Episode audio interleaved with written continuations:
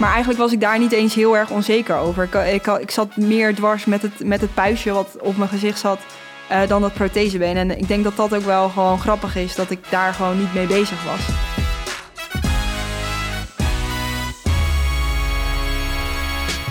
Zij werd geboren met een handicap en op zevenjarige leeftijd kwam zij in aanraking met rolstoeltennis. Sinds 2015 tennis zij professioneel en doet ze vriend en vijand verbazen met haar resultaten. Deze oude Waterse bestormde in korte tijd de internationale tennisranglijsten en bereikte in korte tijd de nummer 1 positie in zowel het enkelspel en het dubbelspel. Ze heeft meerdere titels behaald tijdens de Australian Open, Roland Garros, Wimbledon en de US Open. Ze slaagde er op de Olympische Spelen in Tokio in om Paralympisch goud toe te voegen aan haar indrukwekkende palmares en behaalde daarmee als een van de weinige tennissers in de historie van de sport een zogenaamde Golden Slam. Wat Novak Djokovic niet lukte, lukte haar wel. Naast haar missie in de sport heeft zij ook als doel om te laten zien dat een handicap niet altijd als een handicap ervaren hoeft te worden. En met haar ambassadeursfuncties bij de Esther Vergeer Foundation, Fonds Gehandicapte Sport en de KNLTB hoopt zij zoveel mogelijk mensen met of zonder handicap te inspireren en aan het sporten te krijgen. Ik heb het hier over niemand minder dan rolstoeltennister Diede de Groot. En ik praat vandaag uitgebreid met haar verder. Mijn naam is Thijs van Dijk en dit is Held de podcast. Diede, welkom in de studio. Leuk dat je er bent. Ja, dankjewel waar, waar ik nou echt benieuwd naar ben, is wat heb je jezelf nou cadeau gegeven toen je die Golden Slam behaalde? Ja, dit is wel meteen een hele goede binnenkomer. Dat is namelijk een uh, nieuwe brievenbus. Een nieuwe brievenbus? Ja. en waarom heb je een nieuwe brievenbus gekocht? Ja, dat, uh, daar zit wel een klein beetje een verhaal achter. Ik um, uh, ben een van de eerste dagen dat ik, toen ik verhuisd was, heb ik de sleutel aan de binnenkant van mijn huis laten hangen in het, in het slot. En uh, ja, toen moest ik de brievenbus eruit halen om um, de deur weer open te krijgen. En uh, eigenlijk moet ik dus een nieuwe brievenbus. Maar ja, je raadt het al, de brievenbus was goud. En ik wilde er gewoon niet een nieuwe brievenbus kopen totdat ik uh, ja, het goud zelf binnen had. Dus dat was wel het eerste dat ik dacht, oh ja, nu kan ik een nieuwe brievenbus kopen. Dus nu hangt er in jouw huis een uh, gouden brievenbus aan jouw deur... die je dan elke keer herinnert aan het behalen van die Golden Slam. Mooie, mooie anekdote, toch? Ja, precies. Nou, zoals uh, in elke aflevering van Helden Podcast trappen we de aflevering af met stellingen. waarmee we eigenlijk onze gast vragen om daarop te reageren met alleen ons en oneens. en daar gaan we dan later in de aflevering dieper op in. Dus ik wil je nog vragen om niet uitleg te geven, maar gewoon alleen maar kort antwoord te geven. Ben je er klaar voor? Ik denk het. De allereerste stelling. Ik ben de Steffi Graaf van het rolstoeltennis. Eens. Stelling nummer twee. Ik krijg nog steeds niet de media-aandacht die ik verdien. Oneens. Stelling nummer drie. Pas toen ik in een rolstoel ging zitten, kreeg ik voor het eerst de bevestiging dat ik normaal was. Oneens. Nou, je hoort het al, die tweede stelling, daar gaan we straks echt wel wat langer over nadenken, want je had al wat, uh, wat twijfel. Maar voordat we daar dieper met elkaar op ingaan, wil ik eerst even inzoomen op het uh, inspirerende sportmoment uh, dat je mee hebt genomen. Wij vragen namelijk aan al onze gasten om ja, een inspirerend sportmoment mee te nemen wat hem of haar geïnspireerd heeft tijdens hun sportcarrière. En daar gaan we heel even naar luisteren wat jij hebt meegenomen. Novak, this wasn't your match, but my goodness was this your year. 27 straight victories in major tournament play. You inspired your competitors and you inspired all of us. I'd like you to just take a moment, tell us your thoughts, offer your thanks. Thank you. Uh, uh... Ja, Diede, kun je ons even vertellen waar we naar hebben zitten luisteren? Um, ja, dit was, dit was Djokovic, die na een heel goed jaar... Um, Australian Open, Roland Garros, Wimbledon. Um, ja, zijn grote doel was natuurlijk ook de Olympische Spelen. Dat haalde hij gelukkig, of uh, jammer genoeg niet. Um, maar ja, dit was Novak die in de finale van de US Open uh, eigenlijk gewoon niet opgewassen was tegen zijn tegenstander. En het moment, hij was eigenlijk gewoon nog bezig met de wedstrijd. hij zat in de wissel, hij moest huilen. Um, het publiek ging achter hem staan. En uh, ja, op dat moment dan voel je toch gewoon wel heel erg mee met die man. Ja, dit was op 5-4 geloof ik toch. En hij verloor uiteindelijk de finale van uh, Dani Medvedev met 6-4 in de derde set. Maar wat, me nou ook, wat ik me ook afvraag is, waarom inspireert dit moment jou dan zo? Nou, ik denk dat dit heel erg um, weergeeft hoe groot de druk kan zijn. En um, het, het, het laat echt zien dat het het sport kan zo mooi zijn, maar je kan ook zo teleurgesteld raken. En ja, vooral, vooral een beetje in de, in de sfeer waar ik ook in heb gepresteerd de afgelopen tijd. Er staat gewoon heel veel druk op. En ik, ja, ik voelde gewoon echt met hem mee. Hij had zo'n grote droom. Hij heeft het ook heel erg uitgesproken. Waar, waar ik soms nog wel eens dat niet durfde misschien, was hij gewoon heel stellig. Nee, ik wil die Golden Slam. En hij was er zo dichtbij. Maar ja, dan toch niet lukken. En hoe ga jij dan om met die druk? Uh, ja, soms beter dan soms goed, soms niet goed. Ehm, het is heel wisselend. Het is heel erg lastig, want het is niet alleen druk van de buitenwereld. Het is ook gewoon de druk die je op jezelf legt. En je wil het zo graag. Je wil jezelf belonen. Dat, dat kon ik vooral merken in Tokio, waar ik gewoon ik wilde, ik wilde zo graag mezelf die, die medaille geven. En ehm, ja, dan, uh, dan staat er wel wat druk op. En zijn er dan ook eigenschappen of, of zaken die je van Novak Djokovic geleerd hebt, of die je dan ook nou ja, toepast voor jezelf? Nou, ik denk wat, wat mooi is, is dat hij wel um, ja, op de baan is het misschien niet altijd de, de aardigste man. Maar daarbuiten is hij echt een topgozer. Hij, uh, toevallig heb ik hem heel eventjes gesproken nadat we allebei Wimbledon hadden gewonnen. Uh, hij stopte meteen met alles. Hij zei, ja, wat, wat uh, wil je op de foto? Natuurlijk. Uh, nou, hij had heel veel respect voor het rolstoeltennis. En um, ja, het is gewoon heel erg bijzonder om mee te maken hoe hij als persoon naast de baan is. Nou, we willen natuurlijk allemaal weten van wat is er dan nog meer besproken in dat gesprek tussen nou, de Golden Slam winnaar en de bijna Golden Slam winnaar bij de mannen. Waar hebben jullie het dan over in zo'n gesprek, als je hem spreekt?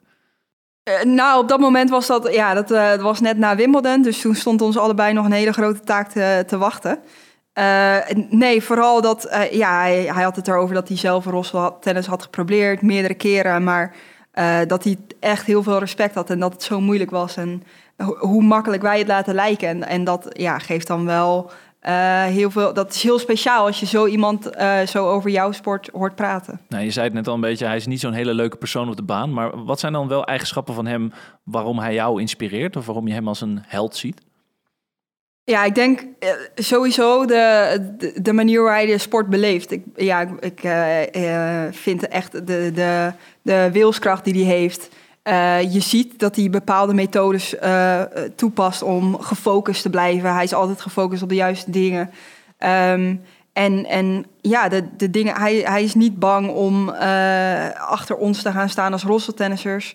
hij heeft dat meerdere keren ook echt uitgesproken, hoeveel in, inspiratie hij dat vindt, hoeveel respect hij daarvoor heeft. Ja, ik, ik denk gewoon dat hij, dat hij daar wel heel uitgesproken en goede mening heeft. dus ja.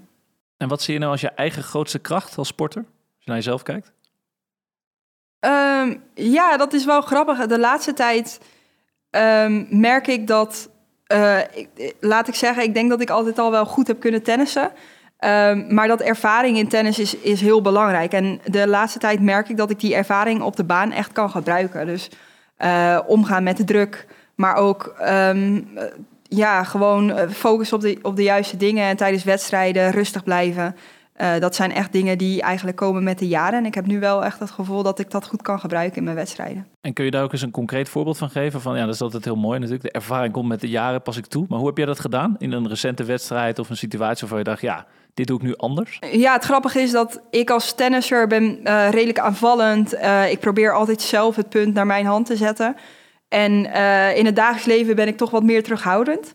En vaak lijken de personen buiten de baan uh, op de persoon op de baan. En dat was bij mij heel lang niet zo. Um, en, en dat is de laatste tijd wel gewoon. Ik, ik weet, ik, ik heb vertrouwen in wat ik kan. En dat, dat uh, aanvallende spel, dat komt er steeds uh, meer uit. Vind ik ook een mooie brug naar de eerste stelling. We hadden het over, ik ben de Steffi Graaf van het rolstoeltennis. Tennis, en daar zei je eigenlijk heel stellig ja op. Nou, Steffi Graaf was ook een aanvallende speelster in haar tijd. Um, nou, jij bent natuurlijk de eerste eigenlijk die sinds Steffi Graaf erin geslaagd is die Golden Slam te pakken.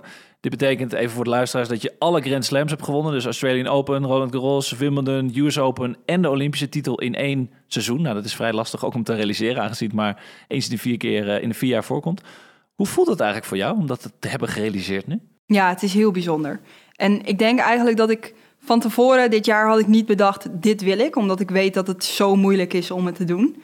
En ik dacht, als ik me alleen maar blind ga staren op, op zo'n groot doel, uh, dan vergeet je eigenlijk ten eerste te genieten, maar ten tweede de kleinere doelen. Ga eerst naar de Australian Open. Oké, dat ging goed. En nu werk ik naar Roland Garros. En zo heb ik eigenlijk het hele jaar aangepakt. Ehm, en ja, dat je dan aan het einde, ik denk dat voor, voorafgaand aan de, aan de finale op de US Open, is het denk ik wel vijf keer door het stadion geroepen uh, dat ik de kans had om, uh, om deze titel te winnen. Um, dus uh, ja, dat geeft wel aan hoe erg anderen vooral ermee bezig waren. maar ook die wedstrijd, ja, dat, je weet gewoon met elk punt die je speelt, kom je dichter bij zo'n bij zo'n soort titel. En dat is wel ja, is heel speciaal. En hoe heb je die wedstrijd dan beleefd? Kun je daar iets over vertellen? Ja, ik weet wel dat het uh, misschien wel de slechtste wedstrijd van, uh, van het seizoen was. uh, ik had op zich een soort van geluk dat mijn tegenstander ook niet heel lekker in de wedstrijd zat. Um, maar ja, wat het, wat het aparte was, is dat we natuurlijk een hele drukke periode achter de rug hadden. We kwamen uit Tokio, waar we drie weken lang volledig alles hadden gegeven. En binnen een dag was ik al in New York Um, en moest ik binnen vier dagen alweer mijn eerste wedstrijd spelen. Dus er kwam zoveel op me af. Ik zag mensen naar huis gaan, hier terug naar Nederland. Die hadden allemaal vieringen. En ik zat in mijn eentje in een hotelkamer in New York. Dus er waren zoveel dingen die die week gewoon op me afkwamen. En ja, dan is het wel... dan, in zo'n wedstrijd komt dat er dan toch wel een beetje uit, die spanning. Ehm, dus ja, nee, een hele mooie wedstrijd was het niet per se. Tegen wie speelde je ook alweer? Yui Kamiji. Dat is nummer twee van de wereld, toch? Ja, nummer twee en echte rivalen. Mooi. Nou goed, nog even terug naar het behalen van die Golden Slam. Je zei al iets over van hoe dat was voor jou, hè? van Tokio naar, naar Amerika in, ja, in een hele korte tijd. En nou, je had het ook al over hoe je omgaat met die druk. Waar ik ook benieuwd naar ben, voelde nou die, die laatste klap, die laatste bal, voelde dat nou meer als blijdschap of voelde het meer als opluchting toen je klaar was? Uh, meer, naar, meer als opluchting, ja. Um, het is, uh, ja, er komt zoveel op je af. En ook van tevoren al uh, zoveel interviews die ik heb moeten geven. Nou, je weet wat je te doen staat deze week. Um, wat je, hoe denk je dat het gaat zijn? zoveel mensen zijn ermee bezig. En eigenlijk is het, je kan zowat alleen maar verliezen. En dat weet je ook als sporter. Ondanks dat je er niet over na te denken. weet je dat eigenlijk alles wat niet die Golden Slam is, is niet goed. Of is, is apart. Of uh, ja, dus als je het dan haalt, dan weet je vooral van, oh, ik heb het gehaald. Um, en ja, dat was wel uh, inderdaad, ik, ja, ik heb wel echt een, een zucht van opluchting gedaan na het einde. Heb je gehaald van opluchting toen het klaar was? Ook, ja. vooral, ik denk in Tokio, dat was wel um, het grootste moment. Omdat, ja, zo'n gouden medaille, dat is wel dat is gewoon eigenlijk wat je wil hebben. En ik heb, dat is wel grappig. Ik heb van tevoren heel veel interviews gegeven. En heb ik iedereen voor de gek proberen te houden van nee, maar het is oké. En uh, de Grand Slams zijn ook heel erg belangrijk. Um, en ja, mijn carrière is niet mislukt als ik geen goud haal. Maar heel stiekem, ja, iedereen wil goud. Dat, we, dat, dat, dat weet elke sporter. Je wil goud op die Olympische Spelen of die Paralympische Spelen. En uh, ja, daar, daar was, de, was de ontlading helemaal groot. Um, en daar was het ook heel erg veel blijdschap. Ik denk op US Open was, was echt oplichting. Ja, en dat is, zal vast een vraag zijn die in meerdere interviews eigenlijk gesteld is. Maar en nu? Want je hebt nu bijna alles gewonnen wat er te winnen valt. Wat is het volgende doel? Is redelijk makkelijk. Gewoon door. Um, nee, ja, ik, ik, ik merk dat er nog heel veel verbetering in mijn, in mijn spel zit. In mij als persoon, uh, hoe ik op de baan sta. Er kan nog er kan nog heel veel dingen kunnen er beter. En dat, uh, zolang ik die uitdaging zie, zie ik ook nog heel veel mogelijkheden. En uh, ja, met alles wat er nu op me afkomt, ik vind het ook gewoon echt heel erg leuk nog. En uh, ja, gewoon doorgaan. Ik, dat, dat, daar heb ik er gewoon ook wel zin in. Nou, ik had het er net al even kort over, over jouw voorgangster Esther Vergeer. Ja, die heeft maar liefst volgens mij zeven keer Olympisch goud, 21 Grand Slam titels. Uh, maar zij heeft nooit de Golden Slam weten te voltooien. Um, hoe kijk je er eigenlijk naar dat iedereen jullie toch altijd vergelijkt? Ja, ik vind het, ik vind het iets heel moois. Tegelijkertijd, um, ja, je weet ook uh, soms als je uh, het vliegtuig binnenkomt en zegt: Oh, jij bent die tennister. Ja, ja klopt. Oh ja, hoe heet ze ook alweer? Uh, Esther. Ik denk, nee, nee, die ben ik niet. Um, nee, dus het is, het is iets heel moois. Ik denk wat Esther, ja, heel eerlijk, we weten allemaal dat als er single was gespeeld op Wimbledon in de tijd van Esther, dan had ook Esther deze titel gehaald. Um, Dus eh, ja, het is iets heel bijzonders. Ik denk niet dat dat ooit nog gedaan gaat worden, hoe Esther tien jaar lang ongeslagen is geweest. Ehm, dus uh, ja, nee, ik denk dat ik daar nooit uh, echt aan zal voldoen. Behalve dat ik gewoon mezelf ben en, en mezelf zo goed mogelijk in de tenniswereld weet, weet te verslaan. Nou, Esther Vergeer was natuurlijk tijdens de afgelopen Olympische Spelen in Tokio chef de mission en ook jouw mentor. Hoe bijzonder was dat voor jou dat zij eigenlijk erbij was dat jij nou ja, die Golden Slam kon gaan voltooien? Ja, het was bijzonder. Vooral omdat uh, ik weet dat Esther heeft niet zo heel erg veel wedstrijden van mij gezien. Althans, uh, niet dat ze er echt bij zat. Um, dus uh, ja, dat was eigenlijk nog wel weer een extra spannend dingetje. Dat ik dacht, oh ja, ze, ze is ook echt aan het kijken nu. En hoe zou zij het beleven? Zou ze, zou ze het ook zo spannend vinden? Of um, ja, wat, wat vindt ze ervan? Vindt ze wel dat is, sta ik wel goed te, genoeg te spelen? Of ja, daar gaan er allemaal verschillende gedachten weer door je hoofd. Um, dus dat was echt, oké, parkeren, uh, gewoon je eigen ding doen. Uh, maar ja, het was wel heel bijzonder dat zij daar, uh, daar ook echt daar aanwezig was. Ja. En heb je daar ook nog met haar over gesproken? Hoe ze dat dan beleefd heeft? Of ze het net zo spannend vond als jij? Nou, de, het, het is echt zo'n rollercoaster geweest na Tokio. Ik moest natuurlijk meteen door. Uh, ik, ik heb nog geen eens tijd gehad. Uh, maar uh, ik, ja, ik weet zeker dat we het daar nog wel een keer over gaan hebben. Nou, dus deze podcast een mooie aanleiding voor om met Esther nog een keer verder over te praten, toch? Ja, ik hoop dat ze luistert. Dan is dit de uitnodiging. nou, een mooie, mooie stap naar de media-aandacht. Je zegt het al, er komt heel veel op je af. Hè? Er is heel veel geweest. En toch um, nou hadden we de tweede stelling van... Nou, ik kreeg nog steeds niet de media-aandacht die ik verdien. En wat zei je daarop? oneens. Toch zei je oneens. Kun, kun je daar iets over zeggen? Ja, um, ik ik heb namelijk het gevoel dat het uh, vooral de, het afgelopen jaar, afgelopen twee jaar echt in een stroomversnelling is gekomen.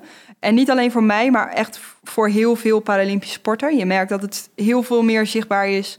Uh, het, wordt zo, het wordt zo goed opgepakt eigenlijk door de media. En ja, ik vind, uh, we kunnen altijd blijven zeuren dat het meer moet en dat het niet genoeg is. En dat zeg ik ook, maar tegelijkertijd is het gaat echt heel erg goed. En als je ook de berichten hoort um, uh, van NOS, uh, van alles wat ze willen gaan doen in Parijs uh, voor de Spelen daar. Um, ja, ik denk dat het heel erg mooi is. En ik denk eigenlijk dat we dan alleen maar complimenten kunnen geven over hoe het nu gaat. En ondanks dat je ook een groot interview in de New York Times en de Verenigde Staten, nou ja, ben je zoals ik het zie een ware superster. Maar in Nederland gaan we toch een klein beetje anders om met onze sporthelden. Daar is de aandacht, nou, lijkt dat wat minder te zijn, fors minder. Hoe, hoe vind jij dat? Hoe kijk je daarnaar, die vergelijking tussen Nederland en de VS? Nou, ik denk dat Nederland. Eh, we zijn natuurlijk sowieso. We hebben een iets andere cultuur. Hier. Uh, uh, doe maar normaal, dan, dan is het goed. En ja, die cultuur, dat, dat is in Amerika compleet anders. Daar is, al ga je daar de stoep af met een rolstoel, is het al, dan ben je een ster. Um, ja, ik hou, ik hou gewoon van Nederland. Ik vind het heerlijk dat ik gewoon over straat kan lopen. En dat, het, dat ik ook gewoon een mens ben hier. En dan alsnog denk ik dat aandacht heel belangrijk is.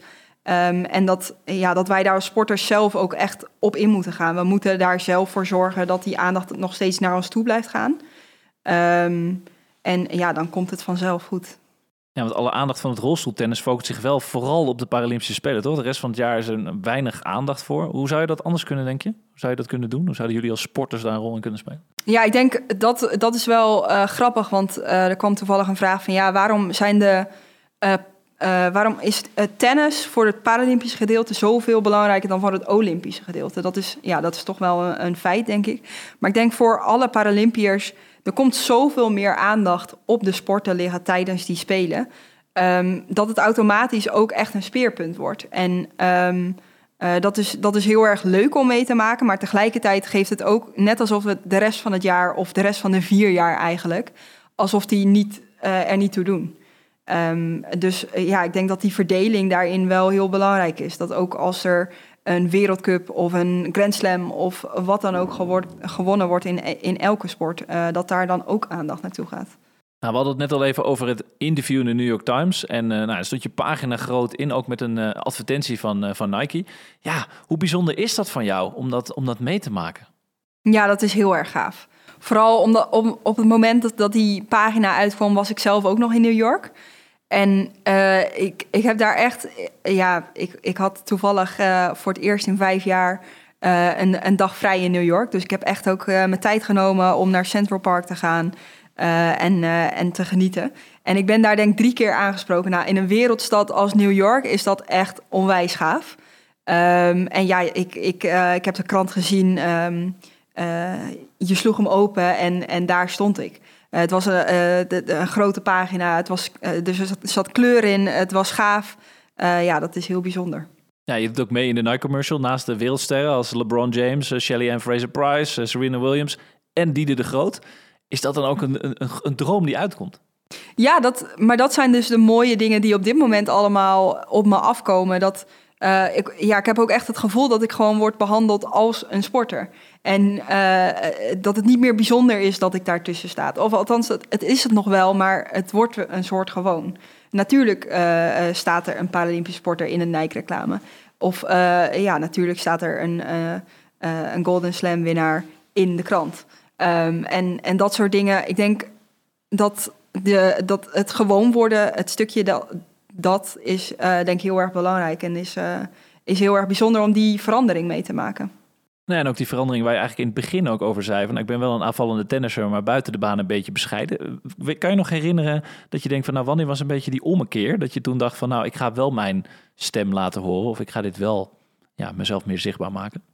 Nou, ik denk dat ik nog steeds, ik ben nog steeds wel uh, rustig en uh, op de achtergrond. Maar tegelijkertijd, uh, alles wat met tennis gaat, daar voel ik me heel erg comfortabel in. Dus als ik maar mag praten over mijn sport en over hoe gaaf alles is, dan, dan gaat dat heel erg goed. En ik denk dat, ja, dat ook daar word je gewoon volwassen in. Dus ja, de, de afgelopen paar jaar gaat dat gewoon heel erg goed. En groei je daar ook gewoon wel in, hoe je, ja, hoe je antwoord geeft op vragen of hoe je om moet gaan met mensen die die dingen van je, van je vragen. En dat uh, ja, is, is ook gewoon een mooie ontwikkeling. Ja, maar en toch, weet je, wil ik nog even een zijstapje maken. Je bent ook op de New York Fashion Week. Mocht je bij de Runway of Dreams volgens mij uh, nou ja, meer bewustwording helpen creëren voor het, bij modebedrijven. Kun je daar wat meer over vertellen? Dat is toch je podium gebruiken op een andere manier dan voor je sport, toch? Zeker, ja, dat, dat, dat was echt iets heel anders. Wat um, niet zozeer te maken had met sport.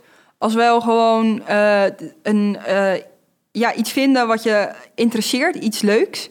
En wat uh, tegelijkertijd ook heel hulpvol kan zijn.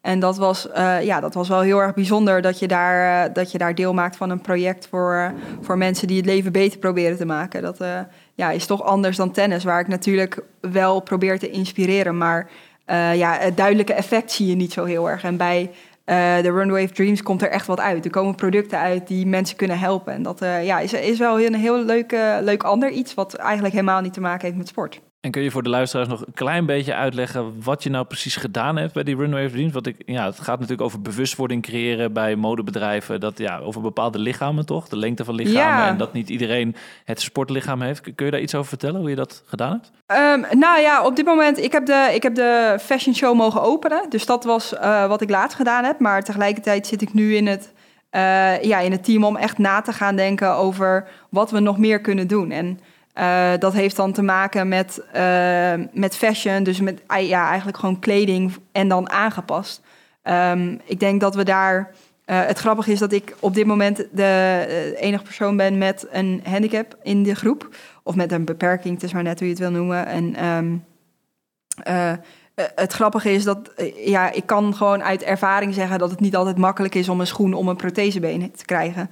Of dat uh, als je heel jong bent en de skinny jeans worden opeens in de mode, dat je dan een skinny jeans moet gaan dragen.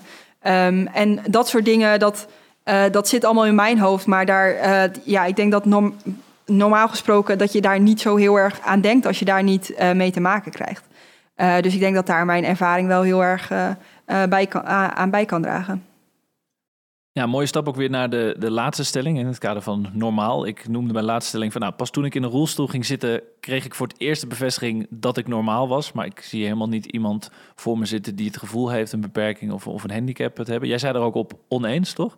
Ja. Um, kun, je, kun je daar toelichting op geven, waarom je daar oneens over op zei? Ja, ik ben, ik ben het daarmee oneens, omdat ik eigenlijk altijd vroeger ook al uh, door vriendinnen, door mijn ouders, ik ben altijd opgevoed als gewoon normaal, zus, um, normaal, een normaal kind eigenlijk. Uh, ik had twee oudere zussen en uh, daar zag ik alles. Als zij buiten wilden spelen, dan ging ik ook gewoon buiten spelen. En um, we kregen allemaal een afwasdag. Ja, ik, ik moest ook gewoon afwassen. Dus ik denk dat wat dat betreft heb ik me altijd normaal gevoeld. Behalve in het sportgedeelte, denk ik. Um, uh, waar, uh, waar ik klaar was met zwemmen, dat was ook gewoon, om het maar even normaal te noemen, moest ik toen toch wel gewoon gaan sporten. Dat vond ik leuk. ik denk dat het goed is voor kinderen, dus het was ook gewoon goed voor me. Um, en als je dan merkt van, oké, al mijn vriendinnetjes gaan volleyballen, ja, eigenlijk lukt dat gewoon niet. Niet op, niet op hoe, hoe ik wilde sporten. Ik wilde gewoon echt meedoen. Um, en ja, dan moet je toch gaan zoeken naar een sport die jou wel past. En toen ik bij het rolstoeltennis kwam en zag dat iedereen in die stoel zat... Dus dat was niet een verschil, want dat was moeilijk, want je moest bij de bal komen. En ik vond dat ook nog moeilijk. Um, we konden allemaal even hard, omdat we allemaal met onze armen... Niemand had wat aan zijn armen, dus we konden allemaal even hard met die rolstoel. En uh, uh, ja, dus ik denk dat dat stukje uh, uiteindelijk vooral heeft bijgedragen... Uh, maar ja, gelukkig uh, de, de opvoeding die ik heb gehad, heeft ook gewoon al, uh, is heel erg belangrijk geweest uiteindelijk voor dat stukje ja, normaal gewoon kind voelen. Ja, ik werd zelf onlangs heel erg geïnspireerd door de documentaire Rising Phoenix op Netflix. Heb je die gezien? Ja. Nou, het gaat over de historie van de Paralympische Spelen. En wat me heel erg opviel toen ik daarnaar zat te kijken, was dat heel veel sporters met een beperking zich helemaal niet zo zien of gezien willen worden. En dat ook helemaal niet zo ervaren. Ja, hoe kijk jij daarnaar als je, dat, als je naar die documentaire kijkt? Ja, eh, het mooie daarvan is, ik, ja, um, het is een beetje tegenstrijdig soms misschien wel. Omdat we, we zijn sporters en we zijn anders en ik doe het wel in een rolstoel, maar tegelijkertijd, ik speel nog steeds tennis. En of je nou tennis speelt in de rolstoel of op twee voeten, eigenlijk zou het niet uit mogen maken. Uh, maar tegelijkertijd uh, is het wel anders en is het niet hetzelfde. Dus het, het is altijd een soort conflict. Um, maar ik denk vooral het stukje uitstraling en uh, professionaliteit. Um, hoe je gezien wordt door de buitenwereld, hoe er, hoe er naar gekeken wordt. Ik denk dat dat vooral heel belangrijk is. En dat, dat het daar gewoon in de basis niet zou moeten uitmaken of ik dan tennis in een rolstoel of op mijn voeten. Um, dus daar is dat stukje uh, normaal gezien worden eh, ja, wel, wel belangrijk, denk ik. Nou, je hebt natuurlijk heel veel gewonnen al in je carrière, maar ben je nog wel eens ergens onzeker over? Ja, zeker wel. Dat uh, heeft vooral in het, in het dagelijks leven, zou ik zeggen, uh, um, komt dat tot uiting. Uh, ik ben best wel een verlegen persoon, gek genoeg. Um, dus hele gro grote groepen vind ik eigenlijk helemaal niet zo heel erg fijn. Um, en ja, tegelijkertijd, ja, het grappige is dat ik vroeger Um, natuurlijk, iedereen gaat door de fase van puberteit heen. En ook daar had ik dat ik wel eens een dag dacht van... oh, uh, waarom heb ik een prothesebeen? Maar eigenlijk was ik daar niet eens heel erg onzeker over. Ik, ik, ik zat meer dwars met het, met het puistje wat op mijn gezicht zat... Uh, dan dat prothesebeen. En ik denk dat dat ook wel gewoon grappig is... dat ik daar gewoon niet mee bezig was. Um, dus ja, net als, net als ieder pubermeisje had ik daar wel onzekerheden over. En uh, nog steeds elke dag heb ik dat. Um, gelukkig komt het, komt het steeds minder op uitingen uh, in de, op de tennisbaan. En dat is wel iets, uh, iets heel erg belangrijks. maar ja, heb ik zeker nog wel eens last van. Ik denk dat dat ook heel menselijk is. En we hebben het al uitgebreid gehad over jouw mentor Esther Vergeer. Jij kwam natuurlijk als jonge sporter best wel heel vroeg bij haar onder haar vleugels. En werd zij jouw mentor als Paralympische tennisser. Hoe was dat voor jou? Ja, dat was heel erg bijzonder. Vooral omdat ik Esther echt als grote voorbeeld had op dat moment. Um, zij, ja, zij was echt, uh, het was echt vlak na haar carrière zelf. En uh, het was heel bijzonder om mee te maken dat, dat zij als zo'n grote tennister um, aandacht wilde steken, of, of nee, niet aandacht wilde steken, uh, moeite wilde steken in iemand als, als ik. En ja, dat zij, dat zij daar energie in wilde steken. En dat ze tijd had om uh, om naar de trainingen te komen. Als je zelfs een keertje bij een wedstrijd komen kijken toen ik nog heel jong was. Uh, ergens in Nederland. Om, om dan te, te zien hoe ik een wedstrijd speelde of doen. En ja, dat was wel heel erg bijzonder om dat in, in, een vroege, in het vroege carrière wel zo mee te maken. Um, ja, en dat, dat waardeer ik nog steeds heel erg. En wat is het meest bijgebleven van die begintijd? Wat heb je nou het meest meegenomen van haar mentorschap? Ja, het grappige is wel dat eh, ik had echt als grote droom... ik wil heel graag naar de Spelen van Rio. En op dat moment nou ja, stond ik daar gewoon heel ver vanaf. En ik weet nog dat Esther zei... oh, oké, is dat jouw droom? Oké, ja. nou ja, dan, dan moeten we kijken hoe we dat kunnen gaan doen. En uh, ja, het grappige was dat ze op dat moment ook wel zei van... nou oké, maar ik denk wel dat je dan bijvoorbeeld wat grotere toernooien moet gaan spelen. Of uh, ja, sponsoren zoeken, hoe gaan we dat dan doen? En um, ja, echt met, met dingen die misschien ook gewoon wel buiten de baan nog niet uh, professioneel was. Ik, waren, heeft ze erbij geholpen. En ja, gewoon het feit dat ze, ondanks dat de droom misschien op dat moment veel te groot was... uiteindelijk heb ik het wel gehaald, maar echt op het nippertje... Um, we, hebben er wel professioneel genoeg naar gekeken om te kijken, oké, maar hoe gaan we dat dan doen? Um, dus ja, dat, dat is wel bijzonder om dan zo'n soort proces door te gaan. Nou, je zei het net al op mijn vraag van nou, en nu naar de Golden Slam gewoon doorgaan.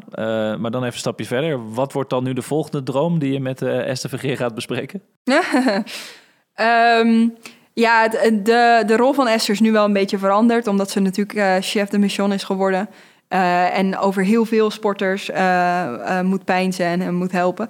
Dus um, ja, op dit moment, ik ga gewoon door en ik, ik heb vooral gewoon heel erg veel plezier. En ik kijk gewoon uit naar het volgende. En dat is op dit moment gewoon weer 2022. maar vooral weer kijken naar een nieuw jaar met nieuwe Grand Slams. Ik wil beter spelen, ik wil overtuigender spelen. Um, en daar is nog heel veel voor nodig om dat te behalen. Dus nog steeds genoeg doelen toch kijken of je misschien toch ook die tien jaar ongeslagen op de baan kunt halen, toch? Ja, dat is wel heel lang hoor. Dan moet ik uh, nog wel even door en dan moet ik ook helemaal niks meer verliezen. Dat klinkt heel lastig. Um, maar ja, nee, als dat zo uiteindelijk zo groeit, dan is dat heel erg gaaf. Uh, maar ik weet ook dat als je dat van tevoren als doel stelt, uh, dat je denk heel ongelukkig wordt. Dus dat gaan we niet doen. Ik kan me voorstellen. Nou ja, je bent nu onder andere ook ambassadeur bij eh, de Esther Vergeer Foundation, zei ik ook al. En hoe probeer jij dan eigenlijk nu jongeren met een beperking of handicap, hoe je het wil noemen, te inspireren met hetgeen jij in de afgelopen jaren allemaal geleerd hebt? Nou, ik denk dat het grappige is dat ik op dit moment vooral, ik tennis zelf gewoon nog fulltime. En door zelf te tennissen merk ik dat ik al heel veel impact heb. En dat is heel erg fijn voor mij, want dat betekent dat je uh, gewoon heel goed moet presteren. En dan vinden vooral zij als kinderen uh, vinden dat al heel erg gaaf. Um, en ja, als ik er dan af en toe bij kan zijn bij een clinic of uh, die kinderen kan helpen en ze een leuke, een leuke dag mag bezorgen en dan ondertussen met mijn eigen prestaties kan laten zien wat er allemaal mogelijk is, dat ja, is heel erg waardevol. Mooi. Nou, stel dat wij hier nou over 20 jaar weer zitten. Over 20 jaar gaan we weer een podcast opnemen. Hoe hoop jij dan dat je over 20 jaar herinnerd wordt? Wat hoop je dat mensen over jou zeggen? Um, het liefste dat ik altijd normaal ben gebleven. Gewoon ben gebleven, laat ik het zo zeggen. Nee, ik ja. Um, vooral dat er niks mist. Ik, ik hoop dat mensen. Uh, ik, toevallig heb ik de opmerking gekregen uh, van nou, als je, ja, als je geen goud uh, haalt, dan, is, ja, dan heb, is je carrière toch eigenlijk nog niet compleet. En uh, zulke soort opmerkingen wil ik gewoon absoluut niet meer horen. Ik wil gewoon dat mensen weten dat ik keihard mijn best heb gedaan. dat er een hele mooie carrière uitgekomen is. En dat ik daar heel gelukkig van ben geworden. En dat anderen daar dan ook gelukkig van zijn geworden. En dan is het goed. Goud is niet altijd zaligmakend, dus als ik je goed begrijp. Um, nou, ja, dat, uh, ja, nee, Toch wel. heel zalig. Uh, maar ja, nee, gewoon, ja, ik denk dat, dat het leven naast tennis is ook gewoon heel erg belangrijk. En uh, als je dat kan laten zien, dan is het mooi. Mooi. Nou, Diede, ik heb hier een tegeltje voor je liggen. Um, dan wil ik eigenlijk vragen of je jouw lijfspreuk of jouw levensmotto, jouw boodschap voor de volgende generatie op zou willen schrijven. En ja, die boodschap wordt dan ook vereeuwigd bij ons aan de muur bij Helden. Ja, welke boodschap zou je aan de luisteraars mee willen geven? Mm, ja, wat ik de afgelopen tijd, of eigenlijk de afgelopen paar jaar heel erg heb meegenomen, is dat um, een gelukkig mens is een gelukkig atleet. En dat hou ik heel erg bij me. Dat als ik uh, een, een fijne werkweek heb gehad, waar ik uh, me plezier heb gehad, alles is op orde, er zijn geen gekke dingen, dan weet ik dat ik ook gewoon goed getennist heb. En als je dat mee kan nemen in je wedstrijden of mee kan nemen naar je trainingen, dan denk ik dat het, uh, uh, dat het altijd goed gaat. En uh, ja, dat stukje mens zijn, dat is heel erg waardevol. Een gelukkig mens is een gelukkig atleet. Nou, mooi. Schrijf me zo meteen op. Dier de Groot, heel erg bedankt voor je komst naar de studio. Leuk dat je er was. Dit was Helder de Podcast. Volg onze podcast op Spotify of Apple Podcast voor nog meer inspirerende sportverhalen. Laat ook gerust een review achter en laat ons weten wat je van deze aflevering vond. Ik ben Thijs van Dijk en tot de volgende keer.